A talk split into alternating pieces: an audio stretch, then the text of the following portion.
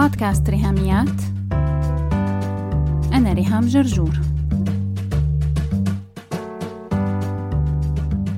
مرحبا.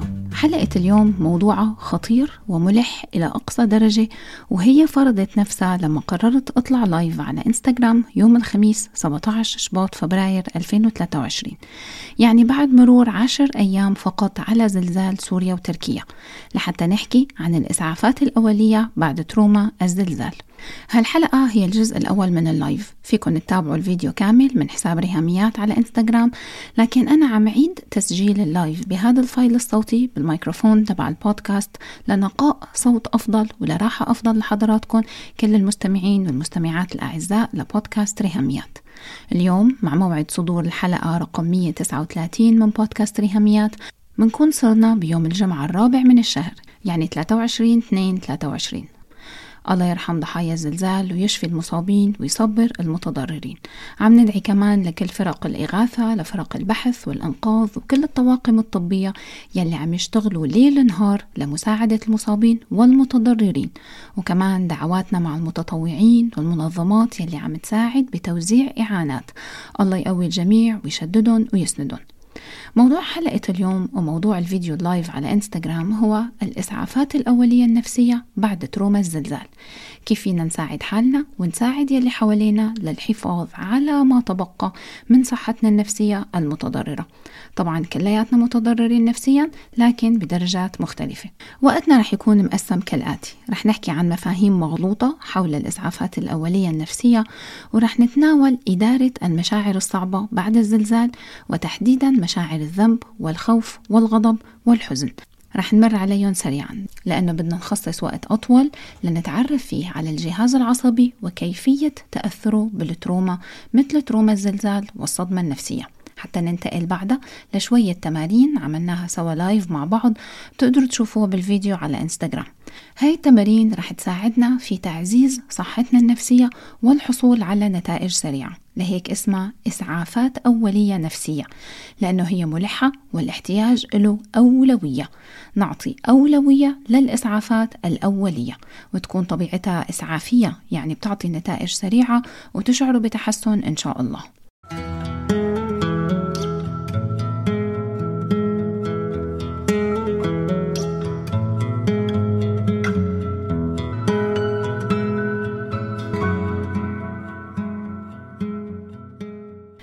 بالأول حابة رحب بكل يلي تابعوا ال live ويلي هلأ عم يسمعوا إعادة التسجيل بنقاء صوتي أعلى بهالحلقة.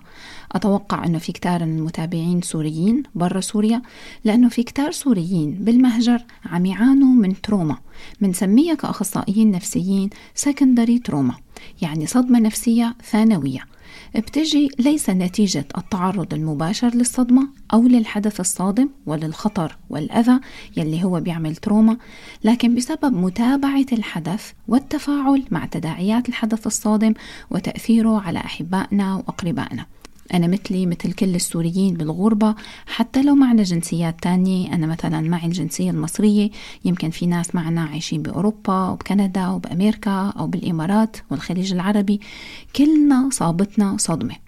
وكمان غير السوريين عندهم تروما. وهون حابة وجه تحية خاصة لكل شخص غير سوري عم يسمع هالحلقة. ما بتتخيلوا قديش أنا ممتنة لتضامنكم ومشاعركم ودعواتكم لسوريا والسوريين. هذا شيء أنا بقدره وبحترمه لأقصى درجة. مجرد وجودكم هون فهو بيقول كتير عن مين أنتو وعن مدى التعاطف والإنسانية يلي عندكم فبالأصالة عن نفسي وبالنيابة عن كل السوريين بشكر وجود كل شخص غير سوري معنا هلأ ودعواته وصلواته معنا دايما.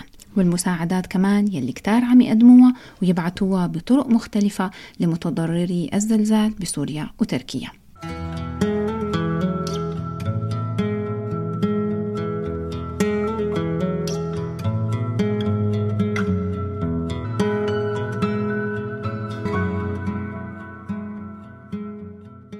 حاب استعرض معكم بعض المفاهيم المغلوطة حول الإسعافات الأولية النفسية. بعد تروما الزلزال وأهمهم فكرتين غلط. الفكرة الأولى هاد مو وقت التفكير انسي الهم وفرفشي. الفكرة الثانية أنا ما بستاهل أعتني بنفسي ولازم كمل حداد. طبعا خلال الأيام والأسابيع الماضية إبان الزلزال شفت كتير مفاهيم مغلوطة غير هدول لكن أخطر اثنين كانوا هالفكرتين هدول تحديدا يلي رح نتناولهم بحلقة اليوم. أول فكرة مغلوطة بتقول إنك لازم توقفي تفكير بالزلزال وتعزلي حالك وتراعي حالك وتعتني بنفسك وتحاربي كل المشاعر السلبية وبسرعة لأنه هاد مو وقت التفكير ولا في فايدة من زعلك فحاولي تنسي وتهدي وتكملي حياتك طبيعي. مشكلتي مع هذا النوع من النصائح إنه يتناقض تماما مع طريقتي أنا بالتعامل مع الصدمة. بالحلقة الماضية رقم 138 من بودكاست ريهاميات خصصت ربع ساعة للقاء مع خبير وباحث جيولوجي يحكي لنا عن كيفية حدوث الزلزال. سجلت الحوار معه يوم الثلاثاء 7 فبراير يعني تاني يوم بعد الزلزال دغري لأنه أنا شخصيتي هيك. بالأزمة بحتاج معلومات. وحقائق ومعرفة وتفكير والكثير من التفكير. فما بينفع معي حدا يجي ينصحني؟ ما تفكريش. خلاص سيبيها على الله. ونعم بالله لكن أنا لحتى أهدى بحتاج معلومات. بس يلي بتفق فيه مع هالنصيحة هو جزئية إنك تبعدي عن كثرة الأخبار. فيديوهات اليوتيوب واحد ورا الثاني social media scroll ما بيخلص streaming إلى ما لا نهاية. لا هذا مرفوض ولا يحتمله الجهاز العصبي تبعنا كبشر. لكن لو محتاجة معلومات احصلي على معلومات و data لحتى يهدى عقلك بدل ما هو قاعد بياكل في نفسه. اسمعي حلقة بودكاست ريهاميات تبع الجمعة قبل الماضية وهي حلقة خاصة عن زلزال سوريا وتركيا. أنا أسست بودكاست ريهاميات سنة 2018 لتمكين المرأة الناطقة باللغة العربية حول العالم. وكل حلقاته مواضيع نفسية وتربوية بحسب اختصاصي ودراستي بكالوريوس تربية وتدريس وماجستير علم النفس. وهلأ نحن وداخلين على شهر مارس شهر المرأة. كنت بحاول كل سنة أني أقدم محتوى مميز بهذا الشهر. لكن للأسف سنة 2023 لا صوت يعلو على صوت الزلزال. لهيك حلقة اليوم وحلقة الجمعة الثانية من الشهر الجاي يوم 10 آذار مارس رح تكون كمان عن الزلزال. هذا بالنسبة لجزئية جمع المعلومات وللناس يلي مثلي بتحتاج تشغل فكرة بالمعلومات والداتا. أما عن الشق الآخر فالفكرة المغلوطة بتقول إنه سكتي مشاعرك وبكفي حزن. الحقيقة إنه هالفكرة هي فكرة مغلوطة عن الصحة النفسية عموما مو بس عن تروما الزلزال. الصحة النفسية بتعريفها لا تعني غياب الحزن وغياب الضغط وغياب التعب النفسي. لا ابدا لأنه التعب النفسي هذا جزء من حياتنا اليومية. لكن الصحة النفسية تعني القدرة على التغلب على المشاعر النفسية الصعبة وتفادي الوصول إلى درجة المرض. وإذا حصل ومرضنا نطلب المساعدة ونتعالج. هذا معنى الصحة النفسية يعني باختصار شديد It's okay that you're not okay. لو عندك مشاعر صعبة لا تسكتيها ولا تكبتيها ولا تهربي منها. بالعكس عدي معها لحتى تخلص. ولو كانت هالمشاعر قاسية وكبيرة ومطولة فرح نحتاج بعض التمارين والتدريبات لإدارة المشاعر والتعامل مع المشاعر الصعبة. لكن يلي متخيل إنه البكاء شيء غير صحي فلازم أهرب من البكاء وأتجنب إني أبكي فبلاقي حل إني مثلا أقعد على نتفليكس لحتى اهدى هذا ما حل هذا تجنب وهروب avoidance and escape. وبدخلك بمشاكل تانية لأنك لما تقعدي على نتفليكس ساعة ولا عشر ساعات رح يجي وقت وتقومي سواء تفرجتي على فيلم أو على مسلسل أو حتى فيديوهات يوتيوب. فأنت أول ما تطفي الشاشات رح تلاقي مشاعرك هي هي ومشاكلك هي هي فترجعي تسكتيها بفرجة أكتر binge watching الشراهة في الفرجة والشراهة في استهلاك ال social media هاي أشهر طرق للهروب والتجنب. حتى أنا أبعد عن الإحساس بالمشاعر الصعبة.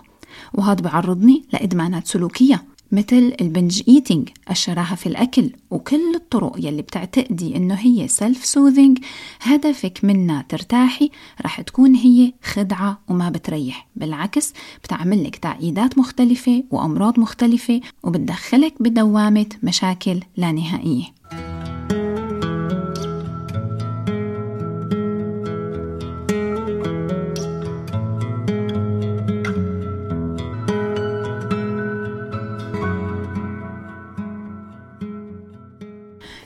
المفهوم الثاني الغلط وهو الأخطر. لما حديثك الداخلي أنت جوا دماغك بتقولي لحالك أنا ما بستاهل عيش ولا بستاهل أفرح. أنا كريهام وصلتني مؤخرا كذا مسج عن هالفكرة تحديدا. بعد الزلزال في كام شخص كتبوا وعبروا بما معناه أنا مالي قلب أعمل شي مالي نفس عيش حتى. والناس حوالي بيقولوا لي أنسي هوني على روحك وعيشي حياتك عادي. هلأ نحن محتاجين هون نتعرف على مصطلح مشهور كتير بعلم النفس يمكن بعضكم سامع عنه اسمه Survivor's Guilt ذنب الناجي منشوفه مثلا بحادث سيارة بيموتوا فيه ثلاث أشخاص وبضل الرابع عايش. فبيتولد عنده شعور بالذنب. اشمعنى أنا ما متش؟ وهذا حادث سيارة راح ضحيته شخص أو كم شخص. فما بالكن زلزال قتل خمسين ألف نسمة وشرد الملايين والملايين يلي صاروا بلا مأوى وعايشين في مراكز الإيواء. ال survivor's guilt ذنب الناجي عم ينهش فينا كلنا كسوريين. وين ما كنا فيني أجزم إنه كلياتنا حسينا بشكل أو بآخر بالذنب ذنب الناجي. وعم نسحبه معنا بتفاصيل يومنا. بحس بالذنب لما نام وغيري بالشارع خسر بيته بالزلزال. بحس بالذنب لما أتدفى ببطانية وغيري سقعان تحت الأنقاض بدرجات حرارة تحت الصفر. لما آكل وغيري واقف بطوابير استلام الطعام والإعانات. وأمثلة لا نهائية عن تغلغل الذنب في تفاصيل حياتنا اليومية لدرجة اليقين بعدم الاستحقاق. أنا ما بستاهل عيش ولا بستاهل أعتني بحالي.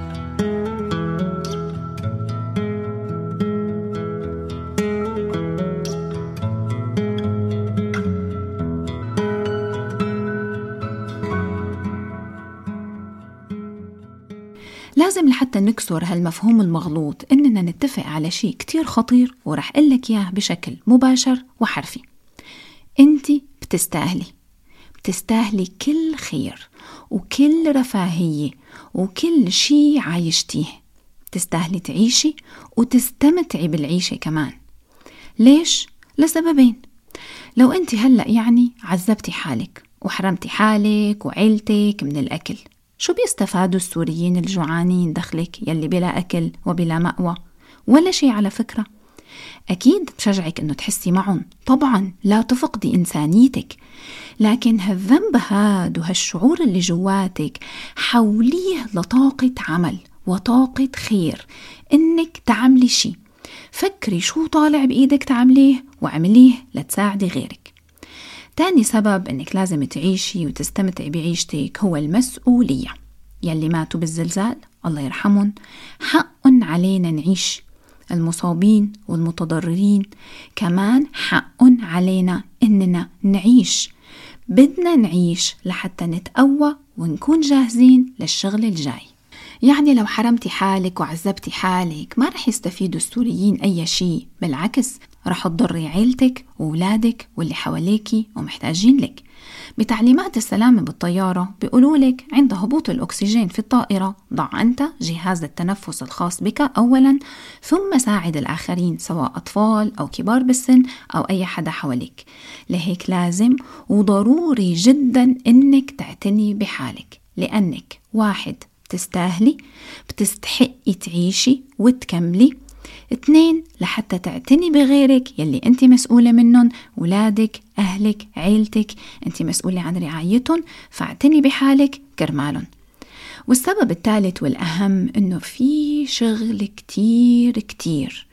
شهور وسنين لقدام ويمكن نقضي عمرنا حرفيا أنا ما عم بالغ. صدقا أنا هيك حاسة إني رح أقضي عمري الباقي أنا وناس كتار كتير رح نقضي عمرنا عم نشتغل مثل المحكوم عليه بالأشغال الشاقة. صدر حكم الأشغال الشاقة علينا كلنا على كل إنسان سواء سوري أو غير سوري انكتب له عمر جديد بعد الزلزال على كل إنسان صاحب رؤية ورسالة موكلة إلينا من الله عز وجل.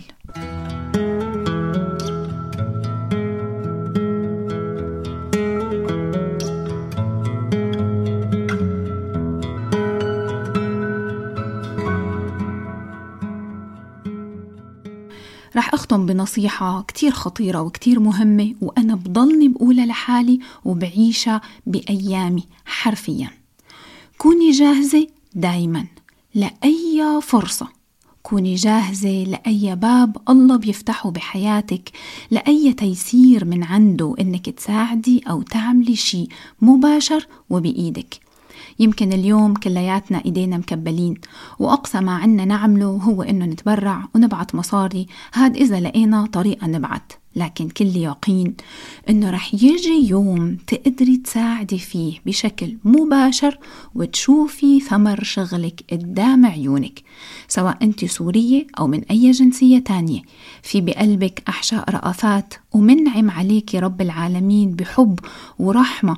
يمكن تجاه أطفال تيتموا يمكن تجاه ناس تشوهوا ما في علاج يمكن تجاه عائلات تهجروا وتشردوا. ما بتعرفي ايمت وكيف ربك بيفتح لك باب. فكوني جاهزة. اعتني بحالك راعي صحتك النفسية لهي الأسباب الثلاثة.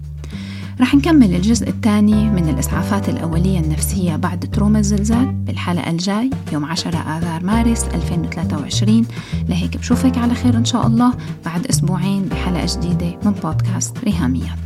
بس هيك. لو عجبتكم الحلقة لا تنسوا تشاركوها على ال social media حتى ناس أكثر تستفيد. تقدروا تتواصلوا معي عبر الموقع الإلكتروني لبودكاست ريهاميات www.rihamiat.com أو تبعتوا لي إيميل على ريهاميات at gmail.com أو message واتساب على الرقم 020 12 79 709 719 وعلى الفيسبوك دايما تابعوا صفحة وهاشتاج ريهاميات. سلامات.